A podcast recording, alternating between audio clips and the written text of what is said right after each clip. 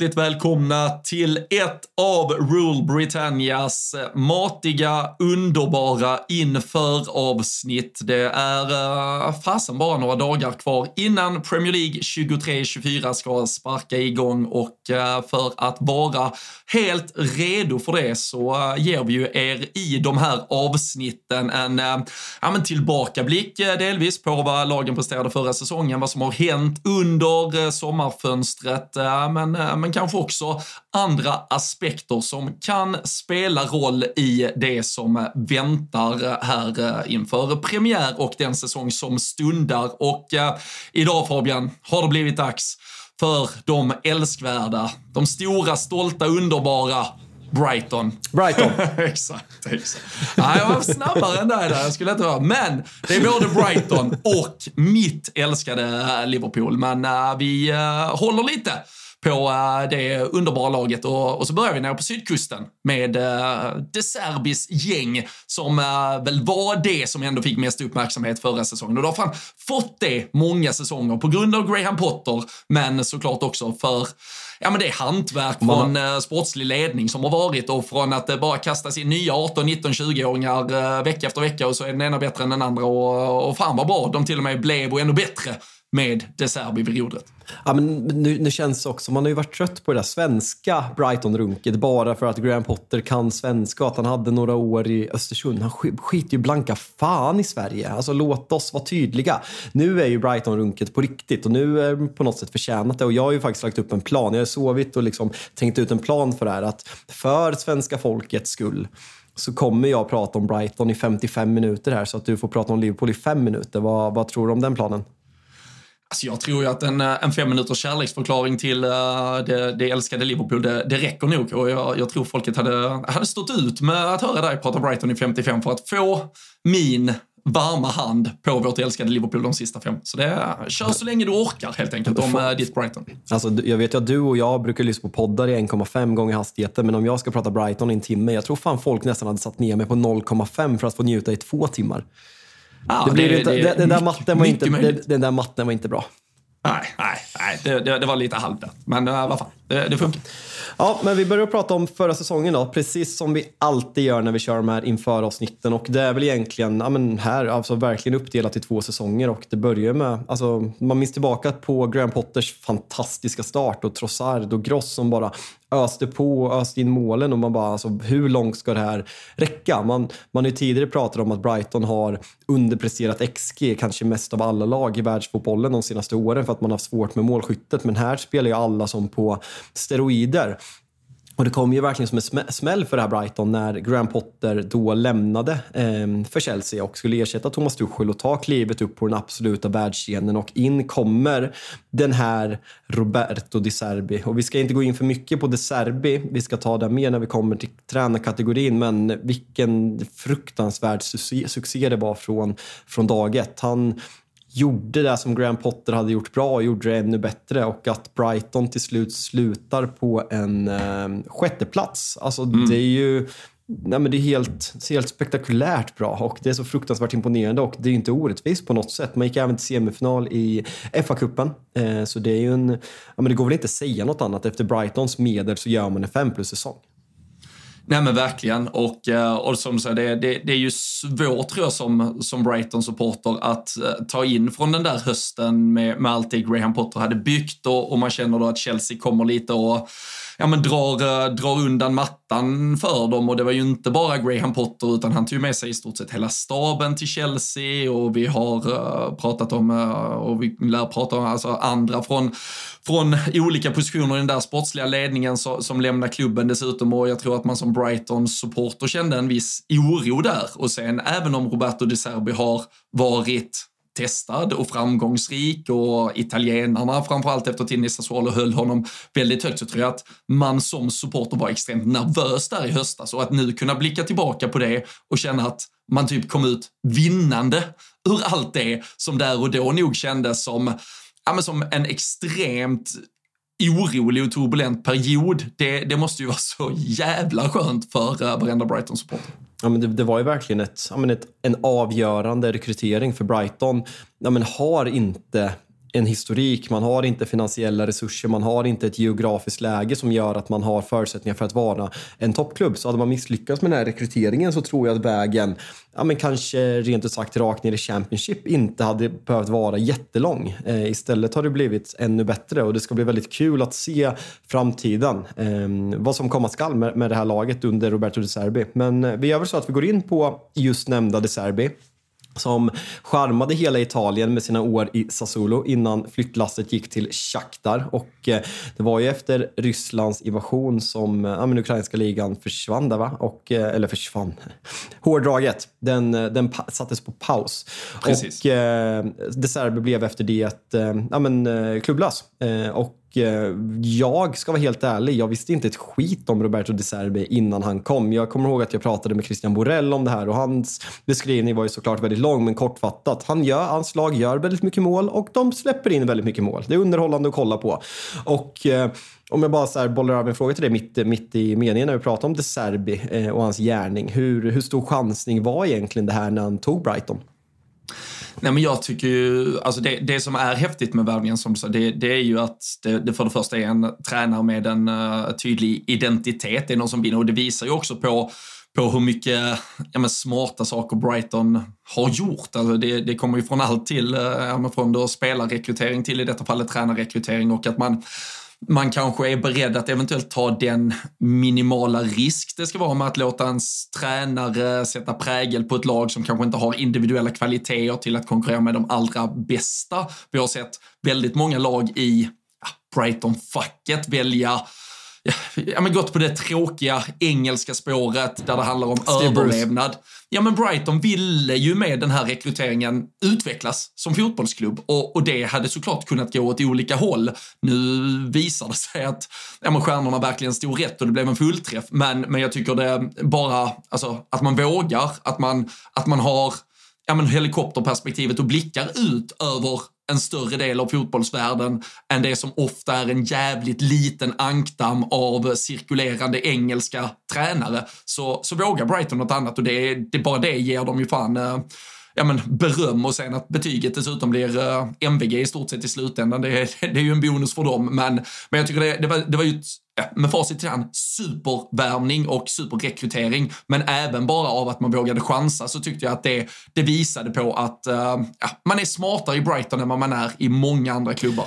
Och det var väl även här brittrunket pikade när man ser de här usla talksportssändningarna och klipp kommer ut på britter, så här, ah, Gabriel Lahore-typer som bara vad ska den här göra? Vad har den här italienaren gjort? Han har gjort det bra i Sassuolo. Varför inte ta Steve Bruce? Eller varför inte ta ja, men, eh, eh, Sam Allardyce eller varför inte ta, ja, vad fan finns det? Det finns ju många som helst. Nej, det... in, med Alan Pardew, in med Tim Sherwood, in med hela jävla ligan. De är bättre än De Serbi. Vi, fan, vi ska inte fastna. Vi pratar transfers. Jao Pedro, eller Pedro, klar för 34 miljoner euro från Watford och Bart Verbruggen klar för 20 miljoner euro från Anderlecht. Och det är väl målvaktsfrågan här som jag kanske tycker sticker ut. Eh, Roberto Sanchez, väldigt ja, men, omtyckt, eller Robert Sanchez, väldigt omtyckt och har gjort det bra i Brighton och gjort det bra under Graham Potter och gjorde det även bra under De Serbi. Helt plötsligt från ingenstans så kommer Jason Steele in eh, sista 10-15 matcherna. Och det har ju varit väldigt tydligt att De Serbi, likt ja, men Erik Den Hag om vi tar United-situationen med David de Gia, att han har velat ha en, ja, men en målvakt som kan göra hans spel med, med fötterna. Så utan att ha minsta lilla koll eller ha sett en skärm av Bart Verbryggen så tar man för givet att det är är en, ja, men en pinpointad scout för att passa in i det, det Serbis bygge. Ja, och, ehm, och sen då med, med Joao Pedro, en, en anfallare som, eh, som fyller på där uppe i, eh, ja, men i det som... Han kommer eh, aldrig peta Welbs. Han kommer aldrig peta Welbs. Ah, och kanske framförallt en Evan Ferguson, på tal om som jag började med, 18-19-åringar som kommer fram lite från ingenstans och, och exploderar. Han gör ju en ja, men, otrolig vår också. Uh, och uh, just uh, som du var inne på, lite, lite löser den där eh, anfallspositionen som, som man typ spelat utan lite under Graham Potter och där mycket har handlat om kanske kanterna och, och påfyllnaden från, från offensiva mittfältare istället. Så det, det kommer ju vara ett lite annorlunda Brighton för även om det då har varit transfers in som du nämner här så är det ju än så länge såklart det, det stora tomrummet som lämnas av Alexis McAllister som går till Liverpool. En Levi Colwill som var på lån som man då än så länge har behövt skicka tillbaka till Chelsea och eh, såklart de ihärdiga ryktena kring Moises Caicedo och eh, då är det plötsligt väldigt många väldigt viktiga spelare som Brighton eh, behöver hitta lösningar för att ersätta. Och här kan vi väl blanda ihop och liksom mixa, mixa ihop de två kategorierna snackisen och kvar att göra på marknaden. För det här är ju som du säger, allt det här är ju liksom ett allt det här hör ihop. Jag har ju väldigt svårt att se Caicedo spela i Brighton när, när vi är i september eh, 2023 när transferfönstret är stängt. Och vad Brighton ska göra på transfermarknaden tror jag har väldigt mycket att göra med hur mycket pengar man får för Caicedo. När vi spelar in det här så är det senaste ryktet att man inte vill sälja Caicedo om man inte får Colwill i utbyte från Chelsea. Och hela den här liksom ja, men vad som kommer hända beror på vilka spelare som kommer sälja. Och jag vill även baka in snackisen hur länge, om vi liksom ser Brighton som ett lag under Graham Potter och eh, De Serbi, hur länge kan Brighton sälja sina bästa spelare och fortsätta leverera på den här fruktansvärt nivån, fruktansvärda nivån? Kan man fortsätta att sälja Kushreya-typer som blir usla i andra, andra klubbar? Bissoma har också ja, men, gjort det jättedåligt. Alltså är det systemspelare som är bra i Brightons spel? Kan man fortsätta den här scoutenverksamheten trots att Newcastle är där och hugger trots att Chelsea tar scouter och sportchefer. Kan man fortsätta hitta de här guldkornen och förädla dem och liksom göra att de levererar på den här nivån? Eller är det ett luftslott och det till slut kommer ta slut?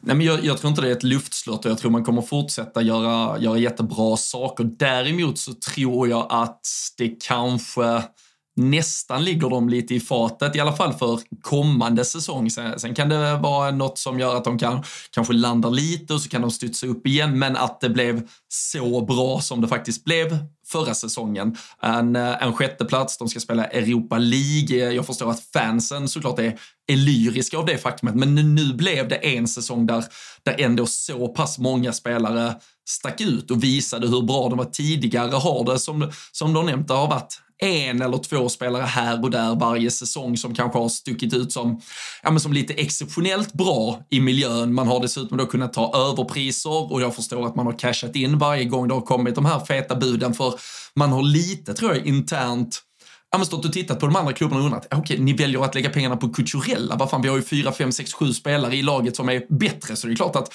ja, men tar ni honom för 60-70 miljoner pund, det är fine. Men nu tror jag att succén var så stor förra säsongen så att de här riktiga nyckelspelarna i det här laget nu kommer att, att lämna av allt vad det verkar med, med Caicedo och McAllister framförallt. Och då, då har jag svårt att se hur Brighton ska kunna bibehålla den stabiliteten som, som har byggts från det där. Ja, och, och det, så gör han ju en uh, succématch på försäsongen och så pratas det direkt om att han är en av alla de här återigen då 18, 19, 20, 21-åringarna som, som kommer fram lite från ingenstans, precis som vi inte har koll på killarna som kommer från Ecuador eller från Irland och exploderar. Och eh, har vi tur som svenskar så, så har ju det där scoutögat nu hittat Yasin Ayari och han kommer att explodera. Men jag har, och eh, när jag tittar på lite spel borta på ATG så tittar jag också på att, att Brighton kanske faktiskt får kämpa lite för att ens vara på den övre halvan den här säsongen. Så eh, jag, jag kommer nog titta på ett spel där, eh, där Brighton kanske då från gemene mans perspektiv underpresterar och, eh, och hamnar lite lägre ner. Så eh, det kommer vara ett av eh, långtidsspelen vi kikar på. Då är det ju atg.se slash tutto som gäller och det är ju för alla som är över 18 år och som spelar ansvarsfullt och kontrollerat och skulle man ha problem med spelarna så är det ju stödlinjen.se. Men jag känner lite att, att Brighton var så bra förra säsongen kan göra att faktiskt slå hårdare mot dem inför den. Ja, men jag, jag gillar verkligen den där tanken och det där spelet och vi vi går över till stjärnan och här förutsätter jag att Caicedo lämnar. Så jag kommer inte nämna honom för det känns tråkigt för jag har svårt att se att han spelar. Och det finns många fina spelare i Brighton. Vi har Estupian, vi har en Cisco som jag tycker kom in jävligt bra i slutet. Vi har Ferguson som vi har nämnt, vi har March som ja, men, gjorde en dundersäsong och liksom har historia i klubben. Men jag landar fan efter att förra vårsäsongen ja, innan, för ett år sedan var väl Gusten Dahlin den enda svensk som hade koll på Karo Mitoma, men som han slog igenom. Och frågan man ställer sig inför den här säsongen är att nu ställs det krav på honom. Lagen som man möter kommer ha större koll på honom och lägga större fokus på att försvara mot honom. Kan han följa upp succén? Men jag, ehm, alltså den höjden och den snabbheten och det yrvädret, det, det, det, är så visuellt sexigt på något sätt. När så korta spelare med så här, ja, men hans frilla, så här, han ser, ja, men jag vet inte, jag, det, det är något med honom som gör att det, det ser underhållande och jävligt bra ut när han spelar fotboll. Ja, och han, äh, han snurrar ju upp Liverpool något så fruktansvärt. Alltså det är ju också på tal om äh, ja, men det som De Serbi lyckades äh, få, få, till med det där Brighton. Vi möter ju dem i är det mitten av januari någonting och får en kölhalning där nere på Amex Stadium. Det blir väl 3-0 till Brighton till slut. Jag, jag har aldrig sett Liverpool så, så utklassade och jag har, ja, det, det, är få spelare som har imponerat så stort som kanske Mitoma gör där. Han, han gör vad han vill till slut. Trots sin längd som du säger så är han ju inne i, i boxen och trixar runt bollen och, och skickar in den till slut också. Så det, äh, det var, han är ju, jag, jag håller med dig. Uh, det, det, är ju också en av de här spelarna du, du betalar biljetten bara för att se honom spela fotboll och uh, så jävla många sådana finns det ju inte i, i alla lag. Så eh, jag, jag håller med dig att han ändå är den som sticker ut och ser väl ändå ut om de följer lite då ändå ja, men, systemet med spelare som ska göra x antal säsonger och prestera x antal uh, ja, men, stora saker för klubben innan de lämnar så får de väl behålla Mitoma en säsong till och sen är det väl hans tur att sticka nästa år. Men uh, en säsong till för, för fansen nere, på, nere i Brighton att uh, njuta av honom, det tror jag de är jävligt glada över. Ja, men det, är det som de gör så snyggt, att de har lite som, om vi tar en svensk parallell, som Djurgården som pratar om den här turordningen när man ska få lämna utomlands. Eh, Brighton är väl lite på samma sätt och som du säger, med Thomas skulle mycket väl kunna vara den spelaren om man tar ja, men spelare Brighton som, som finns kvar nu, som har den där internationella flärden och liksom är i rätt ålder för att lämna till en stor klubb så känns det inte alls omöjligt. Och måste ju bara nämna, jag gör en liten bonuskategori här. Jag vet att när eh, Toto Balutto gör sina Tutski-avsnitt inför mästerskap så har de en kategori som heter Min gubbe. Och jag måste ju nämna Denny Welbeck, för jag älskar Denny Welbeck, Robin.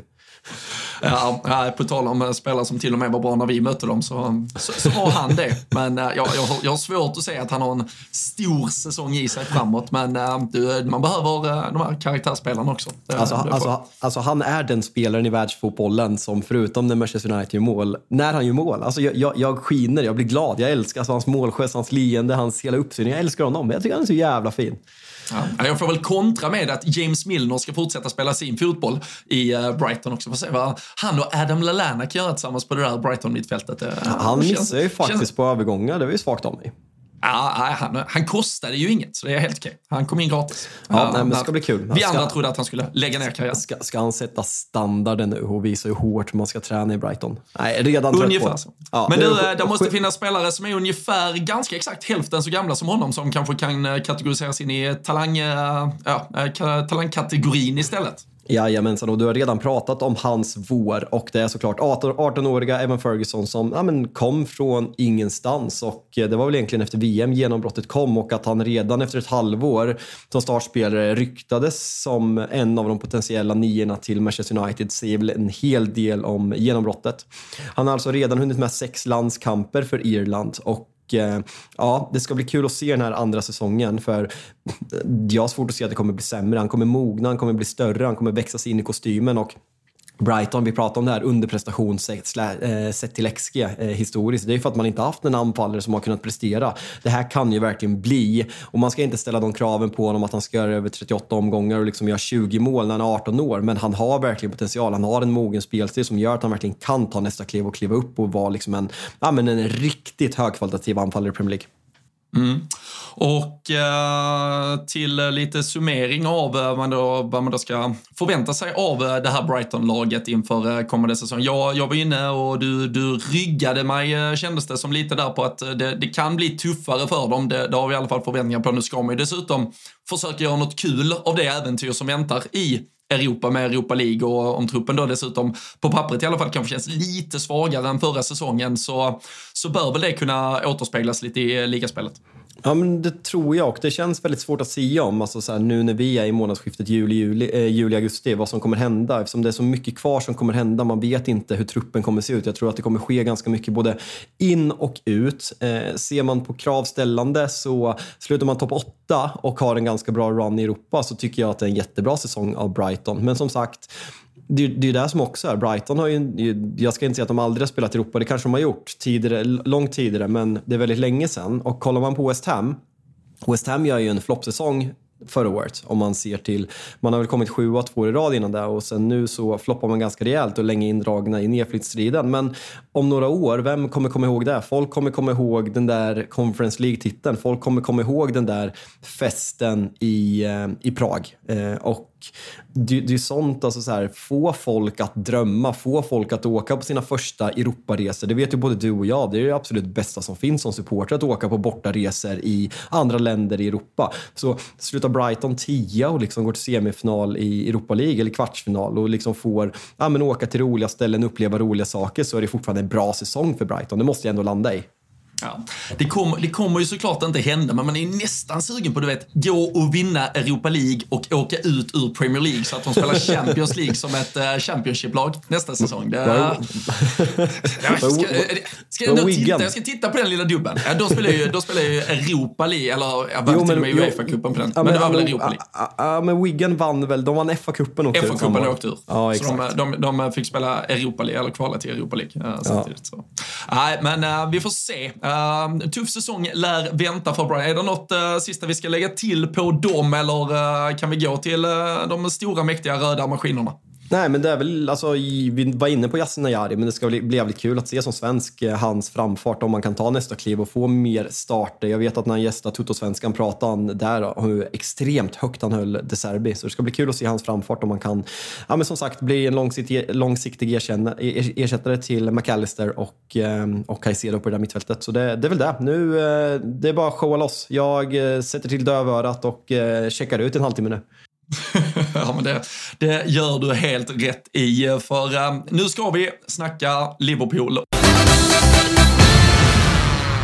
Vi gör eh, detta avsnitt eh, i samarbete med Telia och det vi gillar med Telia Fabian, det är ju att man kan samla alla sporter på ett ställe och då menar vi verkligen alla hur eh, smart är inte det? Ja, i höst kan man alltså exempelvis kolla när Premier League och Champions League drar igång. Samtidigt som man kan följa slutspurten i Allsvenskan och gruppspelet i SHL. Med den grymma Telia Play-appen kan man dessutom se alla sporter, matcher live eller i efterhand om det blivit någon krock eller om man har varit iväg på något annat äventyr medan matcherna gick live. Och eh, vill man, eh, varför man nu skulle vilja det, kanske alltså ta en liten, liten paus från eh, all sport som finns där ute, så kan man ju såklart även plöja igenom hela det enorma utbud av filmer och serier som finns på Viaplay och eh, Simor genom Telia. Och eh, man kan, håll i hatten nu här Fabbe, alltså även lägga till HBO Max utan extra kostnad. Otroligt. Och då sitter folket där hemma och tänker hur saftig den här notan blir. Nej, men alltså det kostar ju bara 649 kronor i månaden, vilket gör att man alltså sparar över 500 kronor jämfört med om man köper alla de här tjänsterna separat. Nej, men det är eh, total succé och eh, ja, men samla sporten smartare, spara massa pengar. Det är Telia det, så stort tack till Telia.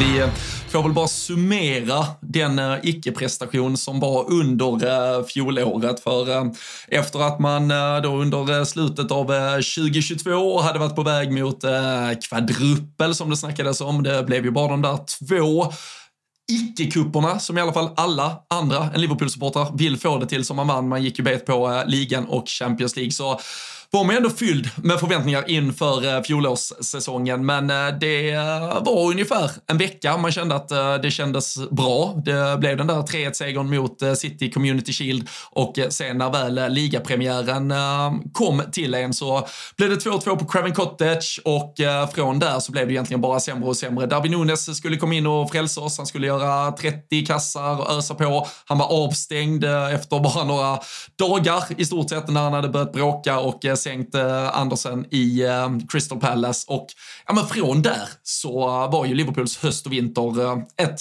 totalt haveri. Och eh, det är ju lite fladdrande i slutet av säsongen som gör att kanske du som United-supporter, jag vet att en del Newcastle-supportrar var lite oroliga att vi eh, skulle ta oss hela vägen upp och förbi, men det gick ju inte. Och eh, man fick nöja sig med en eh, femteplats. Dessutom då en ja, men, fullständig överkörning från Real Madrid på Anfield trots att vi hade 2-0 ledning efter en kvart eller vad fan det var. Och eh, ja, men det är ju en säsong för Liverpool att glömma i stort sett. Och eh, det var väl mer ni som motståndarsupportrar som eh, gladdes åt vad Liverpool presterade på planen förra säsongen än vad, än vad vi röda gjorde. Njöt väldigt mycket, vill jag, vill jag tillägga. Men det, det, det, är så många händelser den här säsongen som, om vi tar bara början, man var så här, ja, men van Dijk kom tillbaka säsongen innan från sin korsbandsskada. Folk så här frågade hur, hur, hur mycket har den här skadan påverkat? Men han gör det ju väldigt bra den här säsongen och man diskuterar ju fan all oändlighet förra året. Varför släpper Liverpool in så mycket mål? Varför blottas van Dijk på ett sätt jag aldrig har sett honom göra? Och jag vet att folk blir provocerade när jag säger det här, men den höjden van Dijk hade de här tre säsongerna när han kommer och sen säsongen eh, 21-22 jag har aldrig sett en mittback och liksom Maldini har en bättre karriär. Jag håller Nemanja Vidic och Rio Ferdinands karriärer som bättre. John Terry också troligtvis. Men den höjden, jag har aldrig sett en mittback vara så dominant. Som liksom styr och ställa, så lugn och så, som pondus. Jag har aldrig sett det. Och, den här, och sen var det alltså från den här matchen i, mot Fulham när han drar på sig straffen om det är mot Mitrovic som gör, gör mål på den. Var det, är det så lätt att säga att Fabinhos första åtta månader den här säsongen, att Skölder inte fanns där. Henderson var sämre han löper inte lika mycket.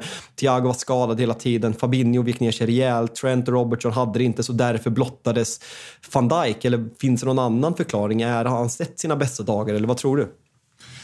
Det, det, är mycket möjligt och, och kanske högst troligt egentligen att, att han har sett sina bästa dagar. För som du säger, den, den höjden han har varit uppe på, det, det är väl svårt att säga att han som typ 32-åring nu ska studsa tillbaka och, och ta kliv och bli ännu bättre. Men att han ibland framstod som så säger, dålig, vilket var någon kombination av typ ja, men det, gjorde, han, men det gjorde han, det måste ja, vi ändå ja, säga. Han såg, ja, men han, såg, han såg obrydd och arrogant ut och blev blottad på ett sätt som, som såklart var Alltså visuellt var det så extremt tydligt stundtals. Så där, där tror jag dels det har att göra med att tyvärr ett stort problem för Liverpool och som ännu inte är adresserat när vi sitter här, det är ju att eh, när inte Ibrahima Konate, som jag ändå håller ganska högt, när inte han är i speldugligt skick, vilket han tyvärr som det ser ut och när vi tittar historiskt bara är ungefär varannan vecka i snitt så är mittbackskollegan till van Dijk, Joel Matip eller Joe Gomez, vilka båda två är alldeles för dåliga enligt mig. Sen som du säger, Fabinho hade en riktigt svag första del av den där säsongen, i alla fall spelade upp sig något under våren.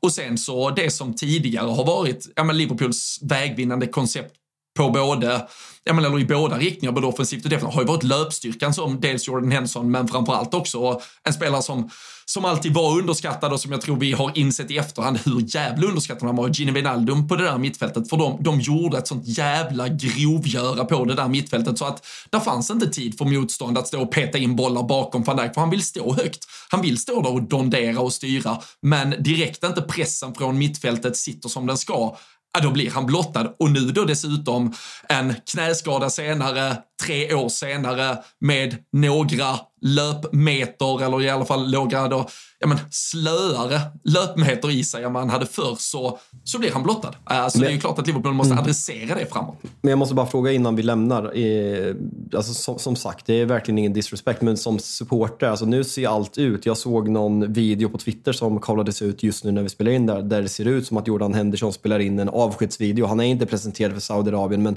mycket tyder på att kaptenen Jordan Henderson lämnar och mycket talar väl för att van Dijk kommer få den där binden.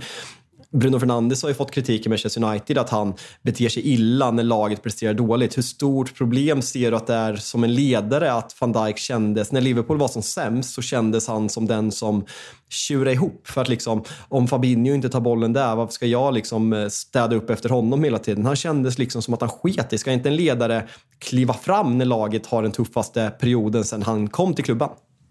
Det, det, tycker jag absolut och eh, jag har väl varit eh, en av de, eh, jag vet inte om jag ska säga en av de få, det, det har väl säkert varit lite det. Vissa tycker att Trent Alexander-Arnold ska få den och så är det han the scouser in our team och så ska han göra en Steven Gerrard-resa och så vidare. Men jag har ju tyckt att Mohamed Salah ska ha binden. Han, jag, jag håller han så jävla högt och jag tycker att han är den som outtalat har varit den som har lett på plan. Han är den som när det har gått tyngst alltid i stort sett har varit spelaren vi har kunnat gå till, ge bollen och så är det han som har ja, men skapa, skapat mål och man kan tycka att han eh, inte är tillräckligt involverad, han bränner alldeles för mycket, men jag tycker att det är han som alltid har drivit på det. Han är den som har lyft laget när vi har varit nere i de olika svackorna. Dels i, ja, men i vintras, eh, den här säsongen, gångna säsongen 2021 som vi minns när vi förlorade, vad fan var det, fyra, fem raka matcher och massa på Anfield, även om det var inför tomma läktare och så vidare. Det var, det var han som sen knöt näven någonstans och drev oss tillbaka till en Champions League-plats. Jag har ju velat att Mohamed Salah ska få, få göra några säsonger med binden på Anfield, men ser mm. ut som att Klopp väljer van Dijk och eh, det får ju vara hans val. Men jag, jag köper det du säger och, och håller med om det. Att den attityden är ju älskvärd när det går, när man joggar i kapp motståndare och ändå bryter. Men när du joggar i, eller försöker jogga i kapp och inte hinner i kapp, då ser det ju så jävla dåligt ut. Ja, men det ser sjukt ut. Vet du vad du ska få göra nu, Robin? Hylla Jörgen Klopp. Jajamensan. Ja, nej men äh, det är ju det är ju den uh, tränaren, uh, det måste väl vara nu, han som har uh, suttit längst på sitt jobb i Premier League. Snart uppe i åtta år på Merseyside och hyllad, älskad av mer eller mindre alla i och runt Liverpool. Men var ju faktiskt, alltså under förra säsongen, första gången som några började sticka ut hakan och ifrågasatte om han verkligen var rätt man framåt. Nu har han ju sitt kontrakt till 2026. Det har eh, varit eh, alltid lite små spekulationer kring det där tyska landslagsjobbet och vad som väntar. Men eh, han tog trots allt, han tog ett famlande Liverpool till att göra dem bäst i England, Europa, världen och eh, jag har ju alltid eh, varit stensäker på och eh, supertrygg i att jag vill ge han chansen att bygga Liverpool 2.0. Jag tyckte man väntade för länge och det det är alltid, är det hans fel? Är det ledningens fel? Vems fel är det? Varför var vi så lojala mot vissa spelare förra sommaren? Ser vi ut att kanske vara det igen vad gäller vissa försvarsspelare den här sommaren? Men jag vill ju se Klopp med ett uh, yngre Liverpool-lag som kan börja spela Klopp-fotboll igen och eh, han är ju, för mig kommer han ju alltid vara den, den största Liverpool-tränaren. Det finns eh, Shankly och Paisley och hela gänget och allt vad de har eh, liksom gjort för klubben. Men det finns ingen i, i vår generation som inte kan hålla Jürgen Klopp som den allra största.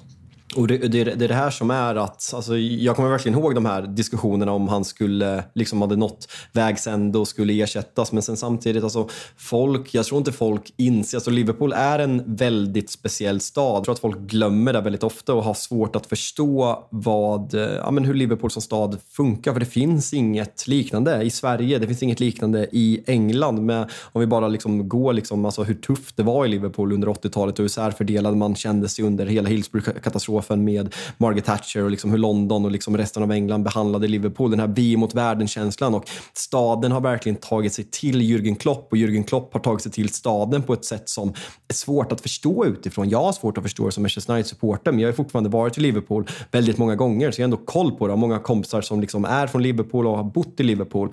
Men att sitta och säga att han ska få sparken efter en dålig höst, alltså då, då förstår man inte vad Liverpool Football Club står för och allt vad staden står för. Så det är klart att att han ska få chansen att bygga upp det här och nu den här föryngringen som du pratade om som började på något sätt att, att Mané lämnade, det var väl egentligen första steget. Folk fattar ju som, som du nämnde inte hur stort det var att Gini Wijnaldum lämnade men det här är ju på något sätt Förra året var början, nu försvinner Bobby, nu försvinner troligtvis Henderson, eventuellt Fabinho. Det är lite så här tvetydigt och eh, dealen verkar ha liksom stött på komplikationer men känslan är ju fortfarande att den kommer gå igenom. Så nu är det ju liksom ja, men, ombyggnation galore och min min fråga är väl egentligen att är det inte lite för stor ombyggnation på en gång med liksom ledarfigurer och föryngring och kanske framförallt på viktiga positioner på centrala mittfältet. För Thiago kommer typ vara, om, om Henderson och Fabinho lämnar så kommer Thiago, han mm, den spelar med mest rutin och han spelar ju inte tio matcher per säsong och han har ju på något sätt blivit, ja men han, det är ju inte en Jürgen Klopp-spelare. Man trodde att det skulle bli liksom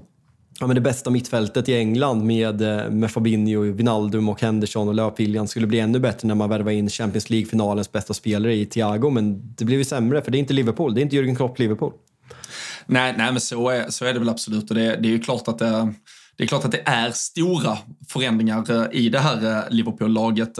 Samtidigt så får man väl ändå dels komma ihåg att det, det har gjorts eh, successivt. Alltså det var en, eh, först Luis Diaz som hämtades förra januarifönstret, sen en Darwin Nunes som hämtades förra sommaren, en Cody Gakpo som kom denna vintern och, och, att de nu växer in i sina roller. En uh, Trent Alexander-Arnold som uh, utvecklar sitt spel och har andra förväntningar på sig kanske inför den här säsongen. Och uh, ja, men sen då med, med adderingen av Alexis McAllister och Dominic Soboslaj. Än så länge så, så det, det är klart att det har hänt väldigt mycket. Sen, sen är jag ju inte, jag, jag sitter ju inte i den där båten med att vi, vi tappar ledare, vi tappar uh, hjärta-DNA hit och dit. Uh, för det första. Det där har vi pratat om i podden också. Ja, och som vi har pratat om här nu så alltså Jürgen Klopp är dels den garanten för att Liverpool fortsätter stå för det Liverpool ska stå för och sen på planen så finns där en Alison Alisson Becker, det finns en van Dijk oavsett om eh, han ser ut att vara engagerad eller inte så tror jag att eh, om vi pratar kvar, kravställan och, och så vidare på träningsfält och vad han förväntar sig av sina lagkamrater både på match och träning och sen med Salah och så vidare. Så jag, jag tror ju och ser kanske hellre att Liverpool men fortsätter då, det kanske har hänt lite mer när folk lyssnar på detta för eh, som du har nämnt, eh, Henderson kan vi ju räkna bort, Fabinho, är troligen på väg bort. Eh, det sista som har hänt här innan vi spelar in detta är ju att det verkar väl bara vara lite komplikationer i den där affärsuppgörelsen med Saudi, men att det ändå ligger i allas intresse att det kanske blir en affär. Och då, då ska ju Liverpool in med en Romeo Lavia av, av allt att döma, men behöver ju även få in ytterligare en mittfältare, kanske få in ytterligare en mittback. Så den stora och då får man väl kanske acceptera att den här säsongen blir säsongen då vi eh, kan eh, gå så långt vi bara kan i Europa League. Eh, hur trist den må vara med Europa League. fan, fan vad fint, men vad fan, fint att höra ja, dig säga det. Ja men, ja men vad fan gör det med det här nya Liverpool-laget?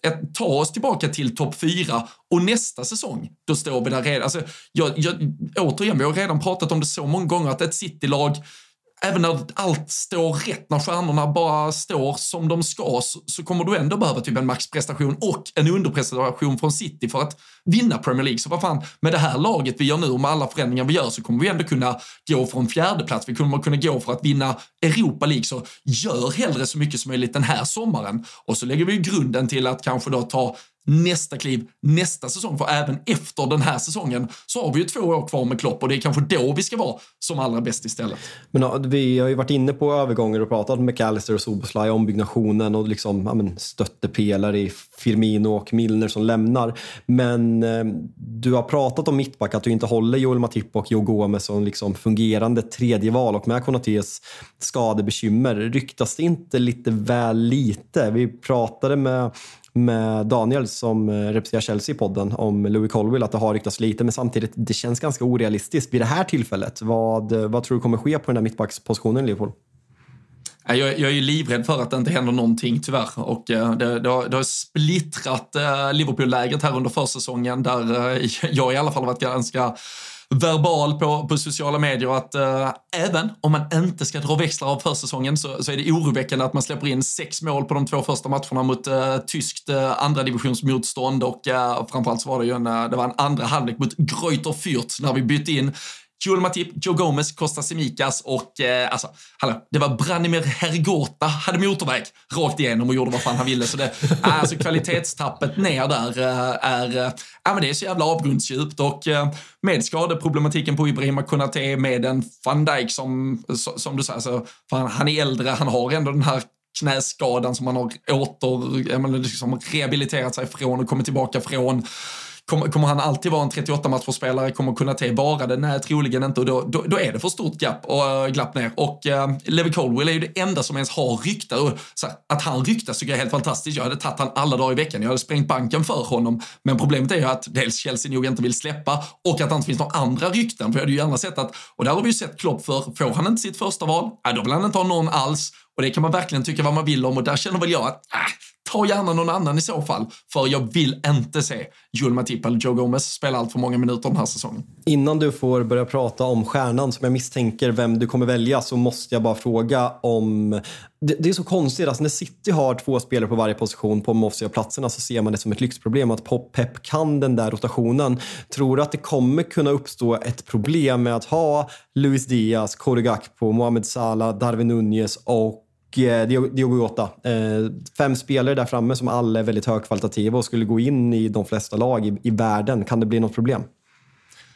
kan, kan det väl säkert, eh, kan det alltid, men tittar man återigen på förra säsongen då, då hade vi en Luis Diaz och en Diogo Jota som fick typ halva säsongen vardera spoilerad på grund av skador. Det, det finns alltid den risken och, och, jag tycker att man som klubb måste vara så pass egoistisk att man, ja, är ni alla friska då har vi ett lyxproblem. Då kommer någon av er få sitta och sura på bänken för det är inte alltid ni är det och då måste vi som klubb ha, ha tagit den försäkringen för att säkerställa att vi, vi alltid har bra spelare på, på planen även när någon saknas. Och jag, jag kan väl se, om, om jag tittar på försäsongen, att uh, ja, men en fronttrio där Luis Diaz är ganska given till vänster, och Mohamed Salah är ganska given till höger och där uh, Cody Gakpo och Darwin Nunes lite beroende på ja, match och motstånd uh, växlar lite som en nummer nio där framme i det, ja, men i det tröjnummer som nu också Darwin Nunes kommer att bära. Och så tror jag att Diogo Jota mer är ja, men den som kanske är eh, första inhoppare på, på alla de offensiva positionerna. Och nu eh, under försäsongen så har man ju också laborerat lite med att Cody Gakpo har snurrat i,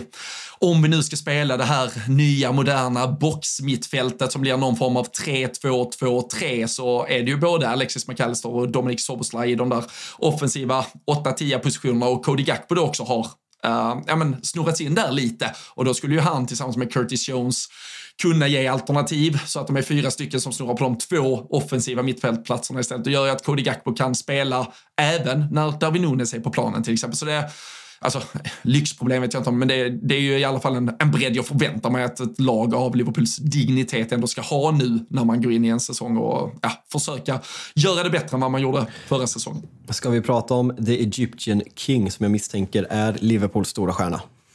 Ja, men det brukar ju eh, heta eh, hashtag only Salah i stort sett när, eh, när det är olika så här. Ja, men han jag har är den första som har gjort uh, tio mål i, ja, jag vet inte, på tio matcher eller han har gjort si och så många bortamål eller si och så många mål den här säsongen. Så. Det är bara Salah som har gjort fler och det, ja, men det, det, det har ju alltid varit någon form av jag vet inte, ja, men ett, ett synsätt på Mohamed Salah om att han aldrig är riktigt så bra som statistiken visar. Man, eh, man tycker att han missar för mycket, man tycker att han inte lever upp till ja, men den enorma kravbild som ställdes på honom eller som byggdes upp av hans egen prestation den första säsongen han gör i Liverpool. Men eh, alltså Haaland eh, slår ju såklart målrekordet förra säsongen. Tittar du på spelmål så är faktiskt Salahs säsong från 17-18 fortfarande den, den bästa och mesta i, i Premier League-historien.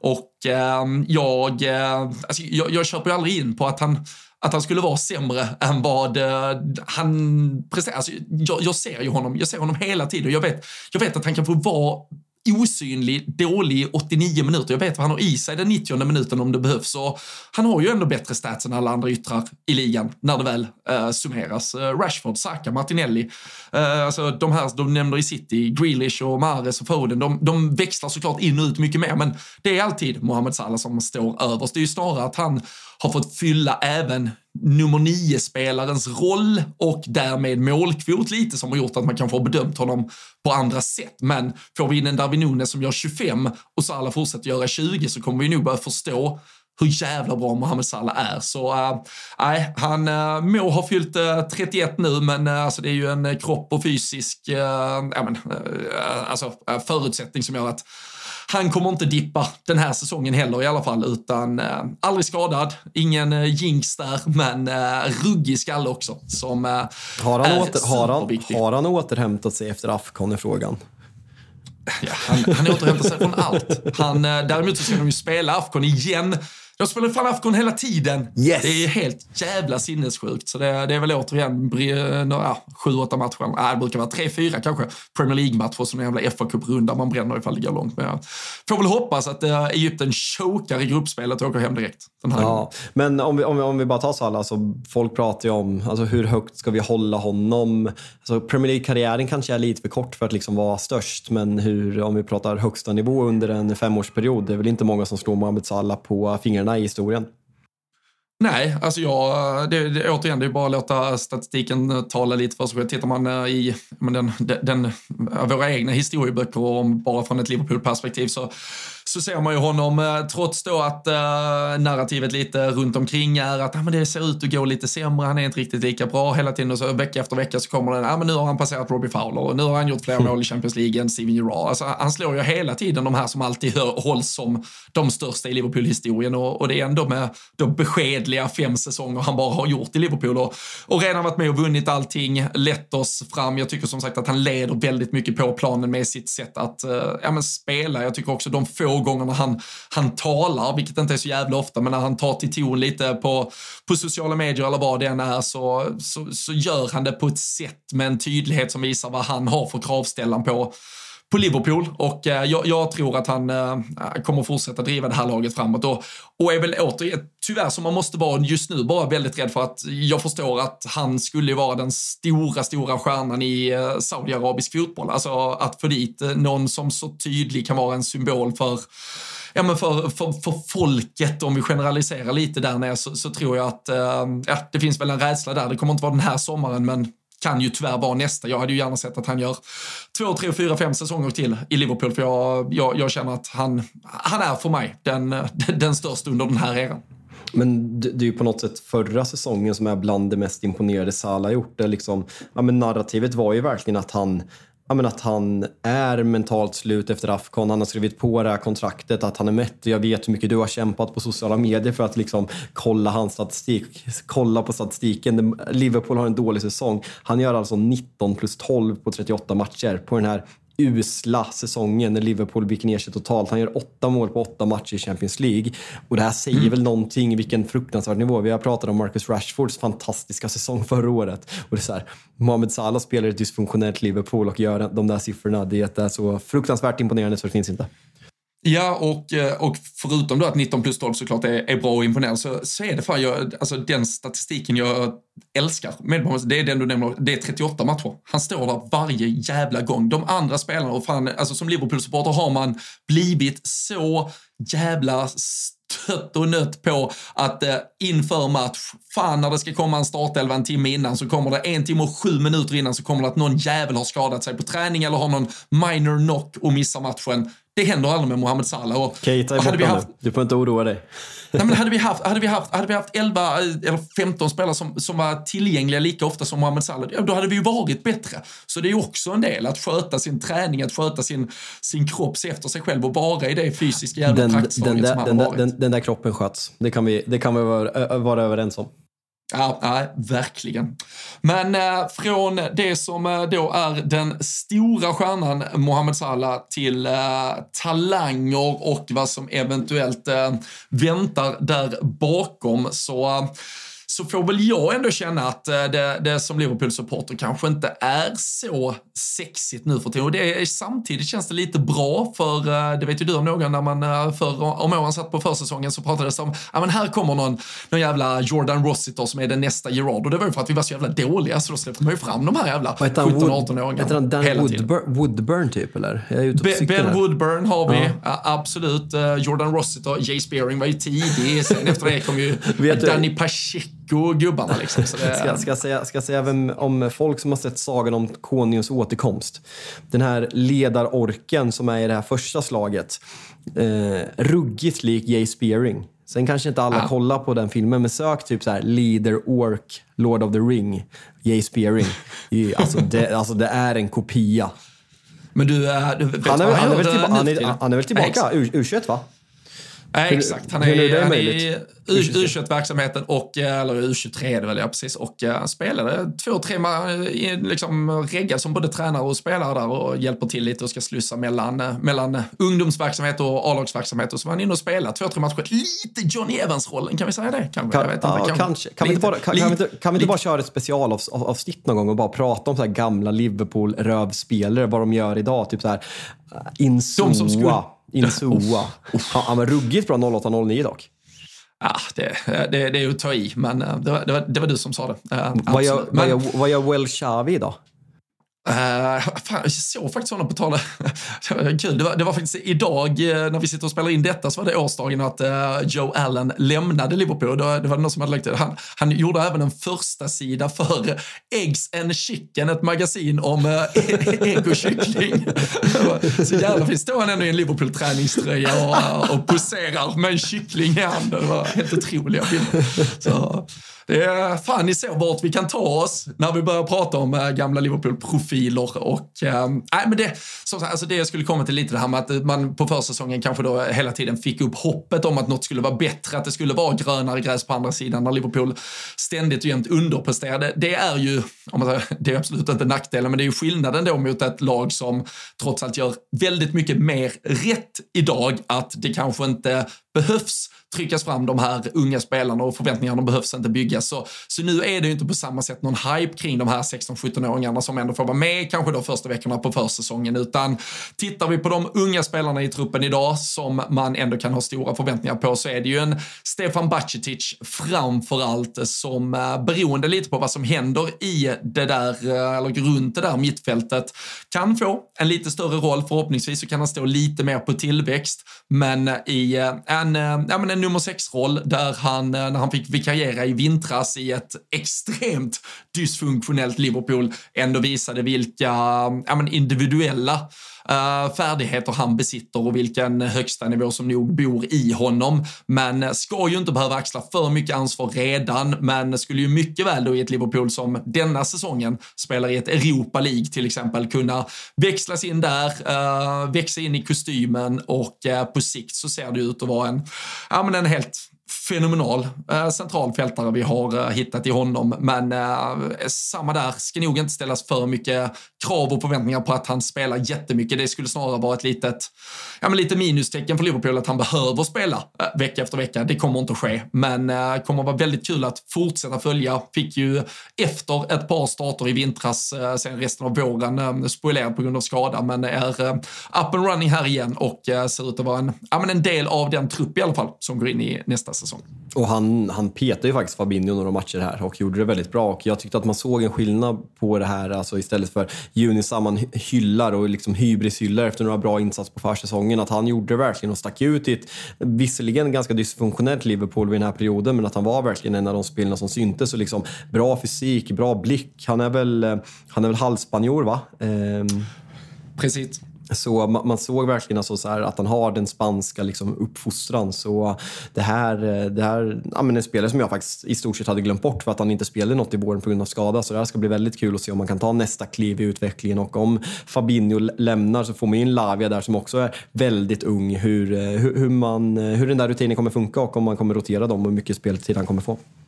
Ja, nej, absolut. Och, um, han var ju uh, just som du är inne på med sitt, uh, uh, då, sitt, sitt, sitt halva uh, spanska medborgarskap där med, kring att hans pappa spelar ju tillsammans med Thiagos pappa, Massinho, i Celta Vigo. Så det, Just, det var också ja. någon cirkelslutning där att Bacicic och Thiago sen spelade någon, eh, någon match, eller i alla fall några minuter tillsammans. Men eh, det är ett eh, Liverpool ändå som eh, kanske inte ska förväntas gå då från en femteplats rakt upp och, och vinna Premier League, men eh, som eh, vi, vi har nämnt och lär nämna kring en del av de här topplagen precis bakom så, så handlar det ju om att vara i, i slagläge bakom Manchester City och det är väl mer för, eh, för dig kanske. Vad, vad, vad ser du ett eh, Liverpool-lag kunna göra med befintlig trupp och förutsättningar som finns? Tror du, känner du ett hot? Eller om du bara ställer dem mot eh, Arsenal till exempel. Vem, vem håller du högst inför kommande säsong? Alltså, jag skulle nog landa faktiskt i Arsenal och det beror på, som jag har varit inne i det här avsnittet lite, att jag tycker att kanske att den här ombyggnationen har gått lite för fort. Alltså, på offensiven har man gjort det väldigt snyggt, men det här mittfältet, Liverpool står kanske inför en premiär där man kommer ställa upp med tre helt nya centrala mittfältare och en backlinje som hade problem defensivt förra året som inte imponerat på försäsongen. Så jag har inte jättebra känslor för Liverpool just nu och det är såklart mitt supporterskap som, som spökar och liksom petar in åsikter här. Men eh, jag tycker att det finns ganska mycket frågetecken och det känns eh, som ett för stort steg att ersätta hela det där mittfältet på en sommar. Även om jag långsiktigt tror att det kommer bli jättebra om vi pratar nästa säsong. Om det blir ja, men Lavia, McAllister, Soboslaj och någon mer kommer in så tror jag att det kommer bli jättebra. Men jag tycker att det är mycket frågetecken och framförallt defensiven som jag eh, har stora frågetecken kring. Ja, nej, men jag håller med. Alltså, som, det, som det ser ut just nu när vi sitter här och spelar in så är det ju det defensiva mittfältet och eh, ja, men, spetsen på bredden i den där backlinjen. Att eh, det, det, det, är för stort gap tycker jag från, från eh, de tilltänkta startspelarna till eh, de som eventuellt behöver växlas in ifall det blir eh, skador eller att man behöver vila någon. Sen eh, gör väl eh, ett Europa League-gruppspel att man kanske kan rotera mycket mer där än vad man hade gjort om det varit ett Champions League-gruppspel. Samtidigt så tycker jag att Liverpool de senaste åren kanske visat att när de bygger momentum på alla fronter och spelar match var tredje, fjärde dag kanske har varit som allra bäst. Eh, jag tror framförallt alla Liverpool-supportrar känner alltid en sån här rädsla efter uppehåll eller när det har varit det här lilla minimala typ så här februari-breaket man tryckte in i Premier League några av de senaste man, säsongerna. ja, men, ja, men det där är så jävla kul. När, när, Liverpool är fan praktexemplet. När ni hade den här, vi har pratat om det här mittfältet med, med Fabinho, Gini och eh, Henderson och sen eh, Moham, eh, Salah, eh, Firmino, Mané. Och sen, de har spelat liksom 38 matcher i rad och startat varenda match och sen ska de få det här varmväderlägret i februari och sen, och sen vila upp sig en och en halv vecka. Sen kommer de tillbaka och är iskalla första matchen. Nej, men det, det, det, det är fullständig katastrof alltid. Så där, därför eh, lämnar ju ändå den här då situationen med en höst i ett eh, Europa League-gruppspel och, och potentialen till att kunna alltså då, växla spelare, vila lite mer. Det, det lämnar en uh, väldigt kluven kring hur, hur eventuellt positivt eller inte det är för, för ligaspelet. Där uh, tyckte jag ju faktiskt, om vi pratar bara väldigt kort Arsenal egentligen, och jag tyckte nog kanske då tvärtom mot många andra som försökte tycka saker under den där våren när Arsenal åkte ut mot Sporting Lissabon tidigt i det där Europa League. Det dör ändå någonting i ett lag när du åker ur, oavsett, alltså när man vill försöka vara positiv kring att ja, men det blir mindre matcher och nu kan man fokusera på en sak. Ja, men det, det är aldrig bra att förlora eller att vara nere och varva ner, utan bara kör istället och det när du bygger momentum. Och det är lite loser-mentalitet också och det kändes ju verkligen som att Arsenal, när man liksom summerar säsongen, att det där vart ju inte alls bra. Eh, innan, Nej, vi avslutar, innan vi avslutar ska vi väl prata lite långtidsspel med Liverpool och eh, det är väl under halvan som gäller va? ja, det kan du nog eh, fan få, eh, få rätt schyssta odds på äh, borta på ATG. Men äh, jag, jag kommer faktiskt titta på något äh, utspritt målspel. Du, du nämnde ju konkurrensen äh, offensivt. Jag tycker att Liverpool med både Soberslaj och McAllister har fått in mittfältare som kan äh, leverera äh, framåt också. Vi vet att Trent och Robertson brukar ändå ha någon balja i sig var. Äh, van Dijk och Konate kan väl nicka in någon. Så, så ett väldigt utspritt, ja, han, varför inte? Han kan kan väl eh, knoppa in en. Eh, tyvärr inte West Brom eh, borta den här säsongen, men något jävla lag ska väl få se hans vackra skalle peta in en boll också. Så äh, många målskyttar kommer eh, jag att kika på borta på ATG.se och eh, det kan ju alla andra också som är över 18 år och som inte har problem med spelande göra. Annars finns ju stödlinjen.se. Men du, innan vi helt avslutar här så är det ju som så att Liverpool har ju gått verkligen alltså toe to toe med Manchester City två säsonger. Eh, 18-19, 97 poäng, tappar ligatiteln på det 21-22, 93 poäng, kommer två efter City. Och vet du vad som är exakt samma, de här, eller vad som förenar de här två med kommande säsong? Berätta det är att Liverpool avslutar hemma på Anfield mot Wolverhampton. Så uh, det kan vara tredje gången gilt vi ändå får sänka Wolverhampton och lyfta pokalen framför dem istället för att deras jävla supportrar ska stå, stå och reta mig när jag står där och gråter. Så jag känner att jag behöver revansch mot de jävlarna. Känns som ett önsketänkande där. Och det, det är det här ja. som är sidospår nu, men alltså så här, min relation till Manchester City de senaste åren har ju verkligen varit så här, ja men det är skönt när de vinner för då slipper man ha kompisar som blir så jävla glada och, och rivaler liksom hemifrån. Men frustrationen när man går upp mot det jävla Manchester City och gör en supersäsong som Arsenal gjorde förra året, som ni har gjort två, tre gånger. Alltså det måste vara så fruktansvärt frustrerande. Jag längtar inte tills den dagen vi tar 97 poäng och kommer tvåa. Vidrigt! Ja, nej, den, den dagen den sa jag, du behöver nog aldrig oroa dig, ni kommer nog aldrig ta 97 poäng. Så det, det är lugnt för dig eh, Fabian. Men eh, vi tackar för att ni har lyssnat på ännu ett införavsnitt. Skulle ni ha missat något så är det bara att ja, men leta runt här i hela vårt kartotek. Det öses ju på med avsnitt varje dag här inför Premier League-premiären den 11 augusti. Det är Rule Britannia ni lyssnar på. Ni kan höra av er på Twitter eller Instagram. Följ oss där om det är några tankar och funderingar ni har. Alla avsnitt hittar ni som vanligt i Tutolive-feeden och vi, eh, ja fasen, vi älskar att ni är med oss och eh, det går i full fart mot premiär. Så äh, det här är riktigt roligt och vi hörs och ses snart igen.